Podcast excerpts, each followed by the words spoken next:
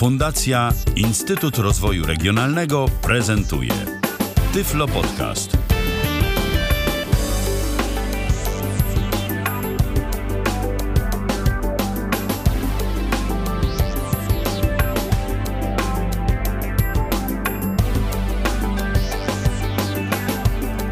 Rozpoczynamy kolejne spotkanie na antenie Tyfloradia, rozpoczynamy kolejne spotkanie w Tyflo Podcaście. Rozpoczynamy to spotkanie w czwartek, 11 sierpnia 2016 roku. Witam bardzo serdecznie przy mikrofonie Michał Dziwisz, ale w dzisiejszym spotkaniu nie jestem sam. Dziś będziemy mówić o bardzo ciekawym projekcie, który to nazywa się następująco Współpraca na rzecz kobiet zagrożonych wykluczeniem. No i w myśl zasady nic o nas bez nas bardzo serdecznie witam dwie panie, które dziś o tym projekcie opowiedzą. Kinga Dumnicka i Justyna Gruszecka. Witajcie.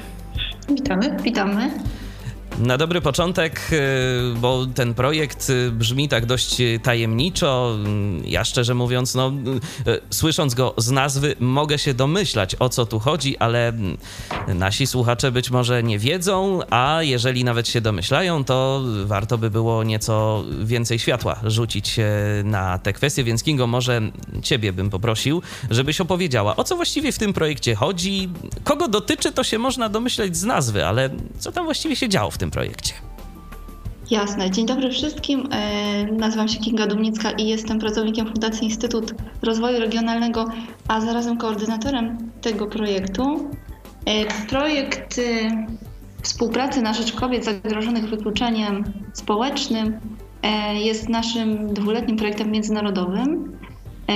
Nam jako koordynatorowi projektu udało się uzyskać dofinansowanie ze środków Unii Europejskiej. To jest projekt e, w ramach programu Erasmus e, i zakłada współpracę mm, nas, polskiej organizacji, z kilkoma organizacjami z zagranicy. E, to są organizacje troszkę podobne do nas z Hiszpanii, Włoch, Turcji i Szwecji. Każda z tych organizacji działa w jakiś sposób na rzecz grup właśnie zagrożonych wykluczeniem z różnych powodów i różnych grup. A nasza fundacja specjalizuje się w działalności na rzecz osób z niepełnosprawnościami, a fundacja z Włoch i Szwecji działa na rzecz imigrantów, e, turecka organizacja na rzecz kobiet y, z terenów wiejskich, to jest organizacja podlegająca Ministerstwu Edukacji. E, Hiszpanii działają na rzecz wszystkich osób wykluczonych e, cyfrowo. Przede wszystkim już y, przed y, pisaniem wniosku mieliśmy okazję pracować y, z większością z tych organizacji, a więc mieliśmy już jakieś wyobrażenie, co, jak moglibyśmy połączyć wspólne siły, żeby stworzyć coś nowego. E, I, I narodził się taki pomysł, żeby właśnie skorzystać z możliwości, jaką daje Erasmus, e, możliwości wymiany dobrych praktyk. E, wymiany dobrych praktyk y, też dzięki mm, odwiedzaniu się nawzajem, dzięki wizytom w krajach, z którymi współpracujemy. E, I pierwszy pomysł, jaki padł, e, to był pomysł na mm, rozszerzenie naszej działalności na nowe grupy. Bo tak naprawdę żadna z organizacji nie miała do tej pory takiego projektu, który byłby skoncentrowany na kobietach. I chodziło nam tutaj o, nazwijmy to takie dość przyjemne działania, nie jakieś bardzo, bardzo poważne projekty, poważne szkolenia, ale takie drobniejsze działania lokalne, e, które pozwoliłyby nam e, nauczyć się też jako organizacjom e, współpracy właśnie z kobietami zagrożonymi wykluczeniem, plus dały możliwość nam, pracownikom i naszym beneficjentkom na poznanie sytuacji w kraju partnera i w jego organizacji. E, mieliśmy na początku problem z tym, jak to połączyć, bo tutaj każda organizacja robi coś innego. Więc naszym wspólnym e, tematem były kobiety i różne rodzaje wykluczenia. No właśnie, to może y, kilka słów, y, gdybyś mogła powiedzieć o tych rodzajach wykluczenia, bo no mnie jako informatykowi przede wszystkim wykluczenie kojarzy się z wykluczeniem cyfrowym, ale jak się domyślam, to nie tylko o takie wykluczenie y, chodzi. Istnieją takie stereotypy, że kobiety mniej się garną do sprzętu elektronicznego, na skutek czego mogą być troszeczkę pozbawione takiej wiedzy czy umiejętności, no ale to są stereotypy, więc o nich nie będziemy rozmawiać. Natomiast y, pytanie, jak to z tymi wykluczeniami jest? Jakie rodzaje wykluczeń y, mamy, na które kobiety mogą być po prostu narażone? Na pewno występuje coś takiego jak y, podwójna dyskryminacja. Może u nas w Polsce już nie jest to tak mocne i widoczne, jak na przykład w Turcji, e, czy nawet we Włoszech, a zwłaszcza w, w środowiskach imigrantów. E, I patrząc na tą podwójną dyskryminację, oprócz tego, że nasze beneficjentki jako kobiety mają przez społeczeństwo przewidzianą jakąś pewną rolę, bo tak jest nadal w krajach Unii Europejskiej, to jeszcze nasze organizacje współpracują z, z dziewczynami, z kobietami, które z jakichś innych powodów e, mają utrudnione życie, takich jak na przykład niepełnosprawność, to tutaj jest y, nasza fundacja, e, jak na przykład dziewczyny pochodzące z Afryki, imigrantki, e, którymi stara się pomagać organizacja włoska. E, często to są dziewczyny, które przyjechały do Włoch bez znajomości języka angielskiego czy włoskiego i zupełnie bez rodziny, zaczynając wszystko od początku. Też y, na przykład y, wpadające w nieudane związki, które powodują, że jeszcze e, trudniej jest im e, wyjść z tej sytuacji.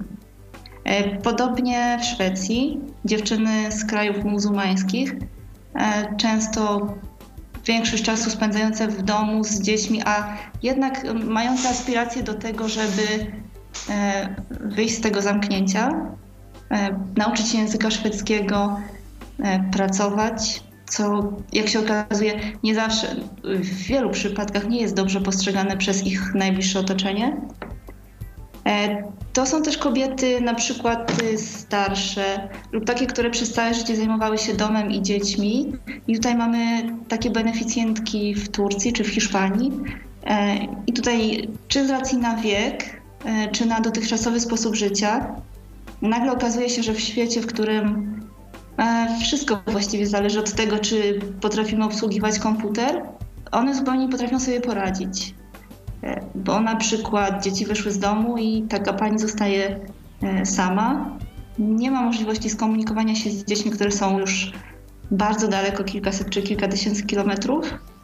E, albo właśnie przez całe życie mieszkała gdzieś w Turcji, na wsi, pracowała w jakimś przemyśle czy rolnictwie. No i na przykład ze względów zdrowotnych nie jest w stanie już dalej wykonywać tej pracy, e, a nie ma też możliwości mm, przekwalifikowania się. E, jesteśmy już na półmetku projektu e, i w tym projekcie założyliśmy, że wykonamy zarówno działania międzynarodowe, jak i będziemy wykonywać działania lokalnie. Do tych działań międzynarodowych, które są tutaj na pewno wielką wartością projektu, ponieważ mamy możliwość naprawdę e, zobaczenia, jak wygląda sytuacja w innym kraju, zobaczenia na żywo, nie w telewizji, tylko rzeczywiście przez kontakt z tymi ludźmi. To tak z ciekawości się zapytam od razu. Mocno się różni to, co pokazuje telewizja od rzeczywistości? Wydaje mi się, że w wielu przypadkach nie jest aż tak źle, jak pokazuje telewizja. W innych krajach naprawdę żyją normalni ludzie. A, no to bardzo, to bardzo dobrze, czyli potwierdza się to, że media szukają różnego rodzaju sensacji, no poza nami, bo my mówimy o tym, co, z czym mamy do czynienia, więc my sensacji nie szukamy i nie będziemy jej szukać także w tej audycji. Ja może tutaj taką małą e, dygresję wprowadzę. Kiedy nasza fundacja realizowała inny projekt, to był projekt e, też e, finansowany z Unii Europejskiej i też mieliśmy partnera z Turcji. E, udało nam się pojechać do tego partnera e, i odwiedzić. To jest e, partner z miejscowości Aydin, więc to jest zachodnia Turcja, bardzo mm, możemy powiedzieć cywilizowana część kraju. ale mieliśmy tam okazję zobaczyć, jak wyglądają szkoły. To jest jakaś taka większa, mniejsza miejscowość? To jest większa miejscowość, być może trochę jak Kraków. O, no to już całkiem spora. Tak, natomiast na obrzeżach tej miejscowości znajdują się e, mniejsze osady imigrantów. I z jednej strony mieliśmy takie spotkanie z dziećmi tych imigrantów w szkole, bardzo wesołymi, otwartymi, które przygotowały dla nas e, całe przedstawienie na powitanie. Ich mamy upiekły ciasteczka e, i mieliśmy okazję tak naprawdę zobaczyć te dzieci, dotknąć, porozmawiać. A z drugiej strony jednak usłyszeliśmy mm, pierwszej ręki o problemach, jakie, jakie tam e, się wydarzają, jak, jak wygląda sytuacja kobiet rzeczywiście w tej miejscowości i jak trudno jest cokolwiek zmienić. Więc naprawdę e, jest to wielka wartość tych projektów, że możemy porozmawiać bezpośrednio z ludźmi e, i zobaczyć, że ich życie jest, oni mają podobne problemy jak my i też starają się rozwiązać lepiej albo gorzej. No tak, bo tak naprawdę w różnych krajach y, i w różnych miastach y, na terenach tych państw y, sytuacja może być inna. W większych miastach, powiedzmy, z tymi kwestiami dotyczącymi chociażby dyskryminacji problem jest mniejszy, no ale gdzieś tam na przykład w jakichś mniejszych miejscowościach czy na wioskach, tak jak mówiłaś, problem może narastać, prawda? No właśnie naszym celem było to, żeby kobiety z różnych krajów mogły się poznać, e, porozmawiać ze sobą i zobaczyć, że e, jak wiele mają wspólnego i co je różni. E, I dzięki temu też i wymienić się swoimi doświadczeniami i może znaleźć jakieś natchnienie na przyszłość, jakąś inspirację. Więc zaplanowaliśmy trzy spotkania, trzy warsztaty międzynarodowe. Udało nam się zrealizować już pierwsze, które odbyło się w lutym w Madrycie. E, I to były warsztaty, których gospodarzem był właśnie nasz hiszpański partner. E, każdy kraj mógł na nie wysłać po trzy beneficjentki i trzech pracowników. I tutaj y, myślę, że będziemy mogli oddać za chwilę głos właśnie Justynie. Właśnie, właśnie do tego tak powoli zmierzam, bo, bo Justyna na razie siedzi cicho, ale za chwileczkę będzie miała okazję y, y, powiedzieć z własnej perspektywy, jak te warsztaty wyglądały i jak to wszystko funkcjonowało i co tam się działo. Zatem, Justyno, gdybyś mogła mm, o tych warsztatach kilka słów opowiedzieć z własnej perspektywy, to oczywiście Kingo, bo ty również byłaś na tych warsztatach, tak? Tak, ja powiem tylko, że warsztaty trwały cały tydzień i ich y, głównym tematem było włączenie cyfrowe.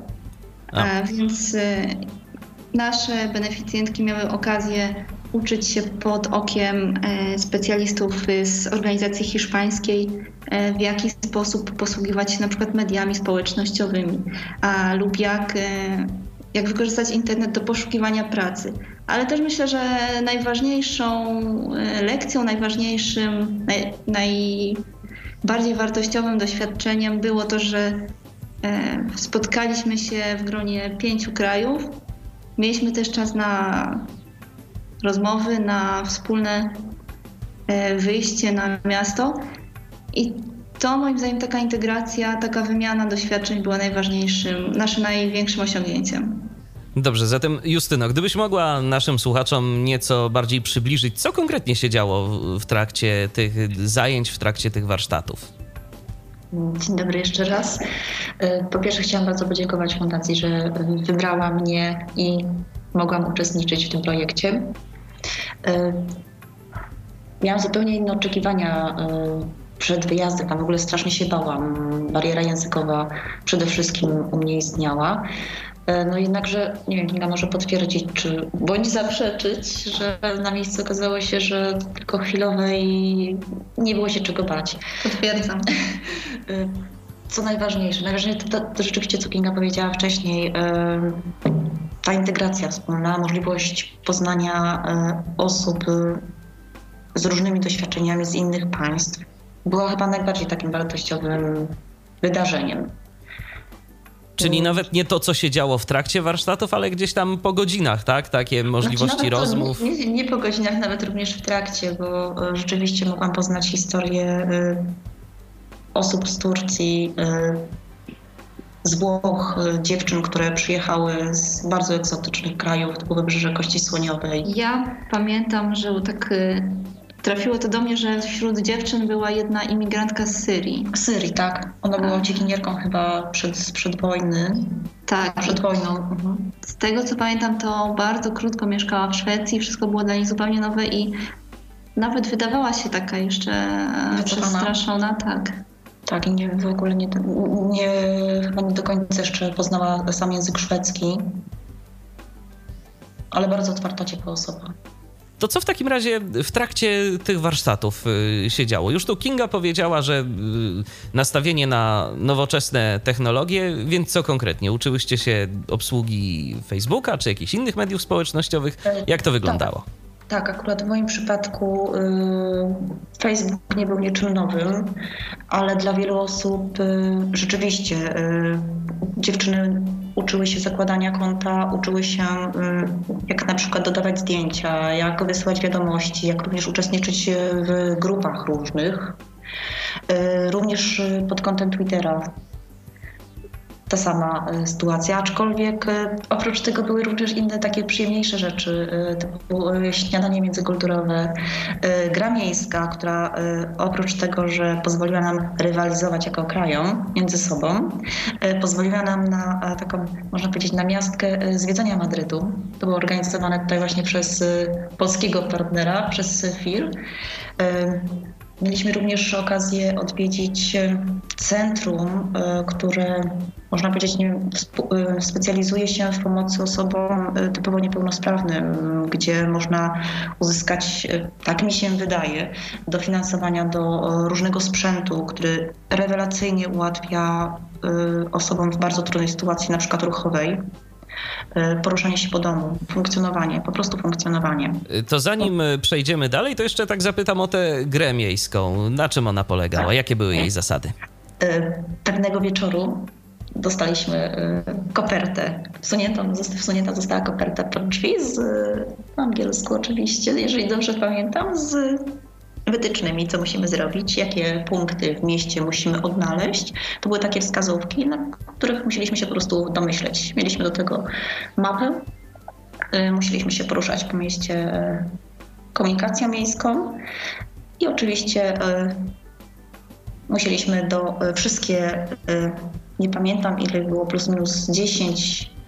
Wszystkie punkty musieliśmy sfotografować jako grupa, odszukać i oczywiście y, umieścić, umieścić na Facebooku już to końcowe, y, końcowy etap. Także świetnie się przy tym bawiliśmy. Pogoda akurat nam dopisała. Nowoczesne technologie w postaci GPS-u się przydały? Nie było. A. Mieliśmy mapę, e, mieliśmy mapę na komórce E, tak. I właśnie naszym założeniem jako osób planujących ten dzień było po pierwsze pozwolenie, było znalezienie czasu na zwiedzenie miasta, plus zmotywowanie naszych uczestników do tego, żeby rzeczywiście to miasto zwiedzili, a nie usiedli w e, pierwszej kawiarni.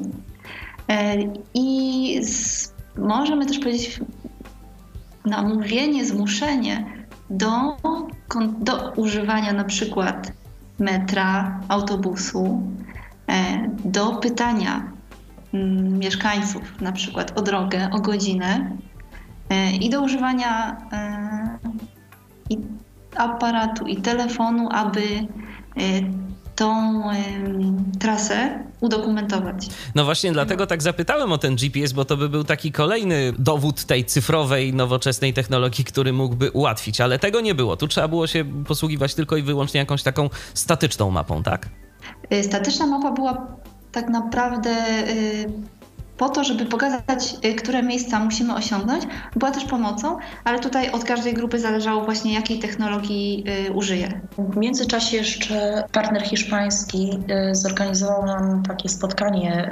Na warsztaty zostały zaproszone kobiety rom, Romki, które również opowiadały nam o ich takiej determinacji aby po pierwsze wrócić do pracy, znaleźć pracę, aby y, zostać zaakceptowanym przez społeczeństwo lokalne. Pokazywały, jakie kursy między innymi organizują.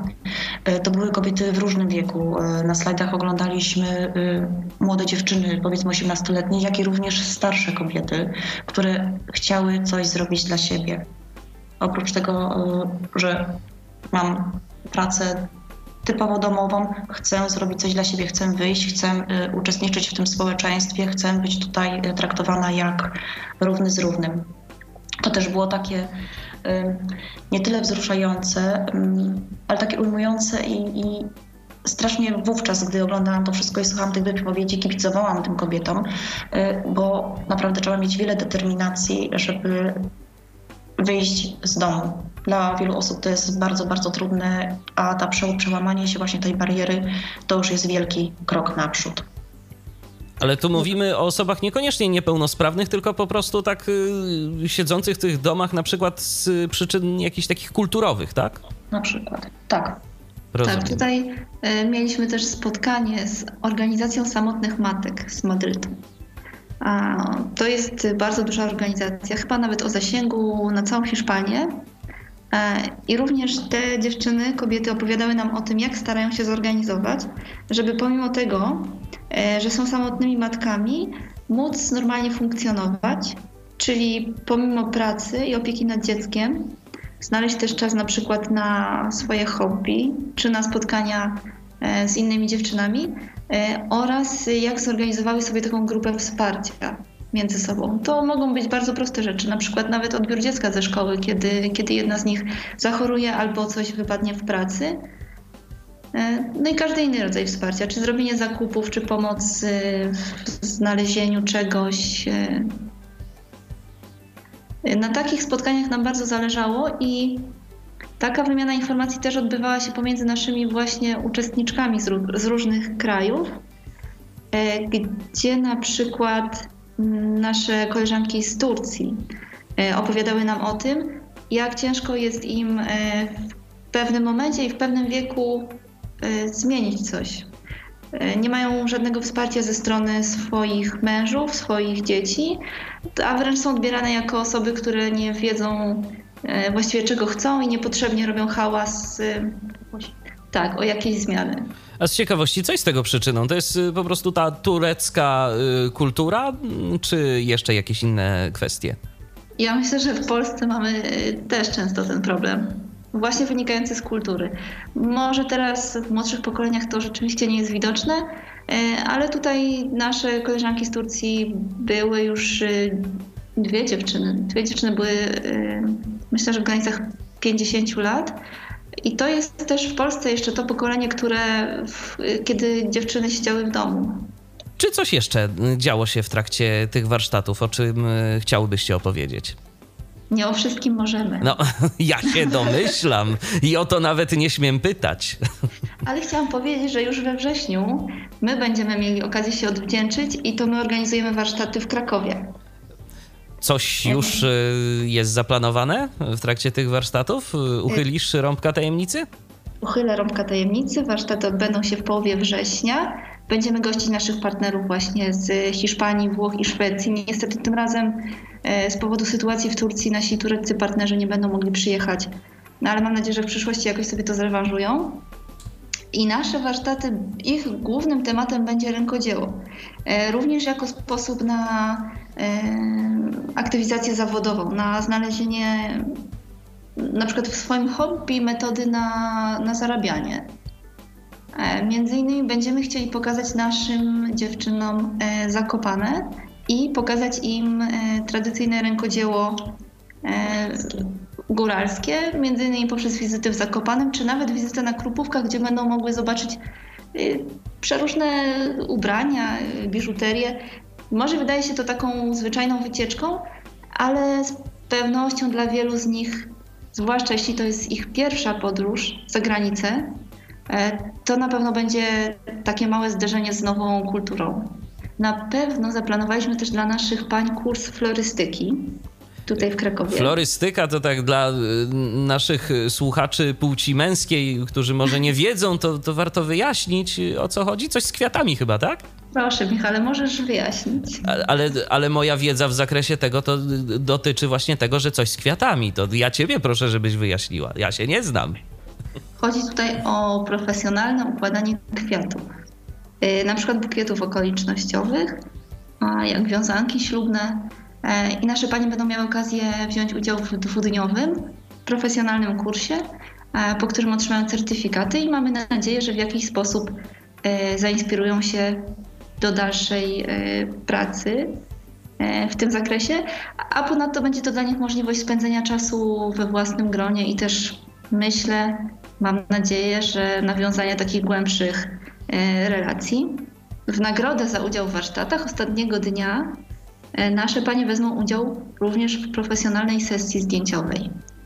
E, potem e, z ich zdjęć przygotujemy taki mały album, który będzie podsumowywał te warsztaty i również te zdjęcia im udostępnimy, a naszą ideą tutaj było, że dzięki tej sesji będziemy mogli w jakiś sposób pomóc się im utworzyć, ale też pokazać, że e, są piękne i wartościowe.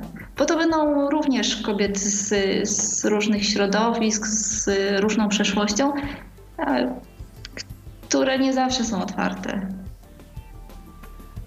To teraz takie pytanie y, z perspektywy naszych słuchaczy, którzy się mogą zastanawiać. No okej, okay, opowiadacie o działaniach, wszystko fajnie, ale y, czy my, jako słuchacze, jako odbiorcy tej audycji, jakoś w jakiś sposób będziemy mogli się do działań wynikających z tego projektu włączyć. No, wygląda na to, że chyba tak, bo jakiś konkurs też jest przewidziany, prawda? I on nawet chyba już funkcjonuje.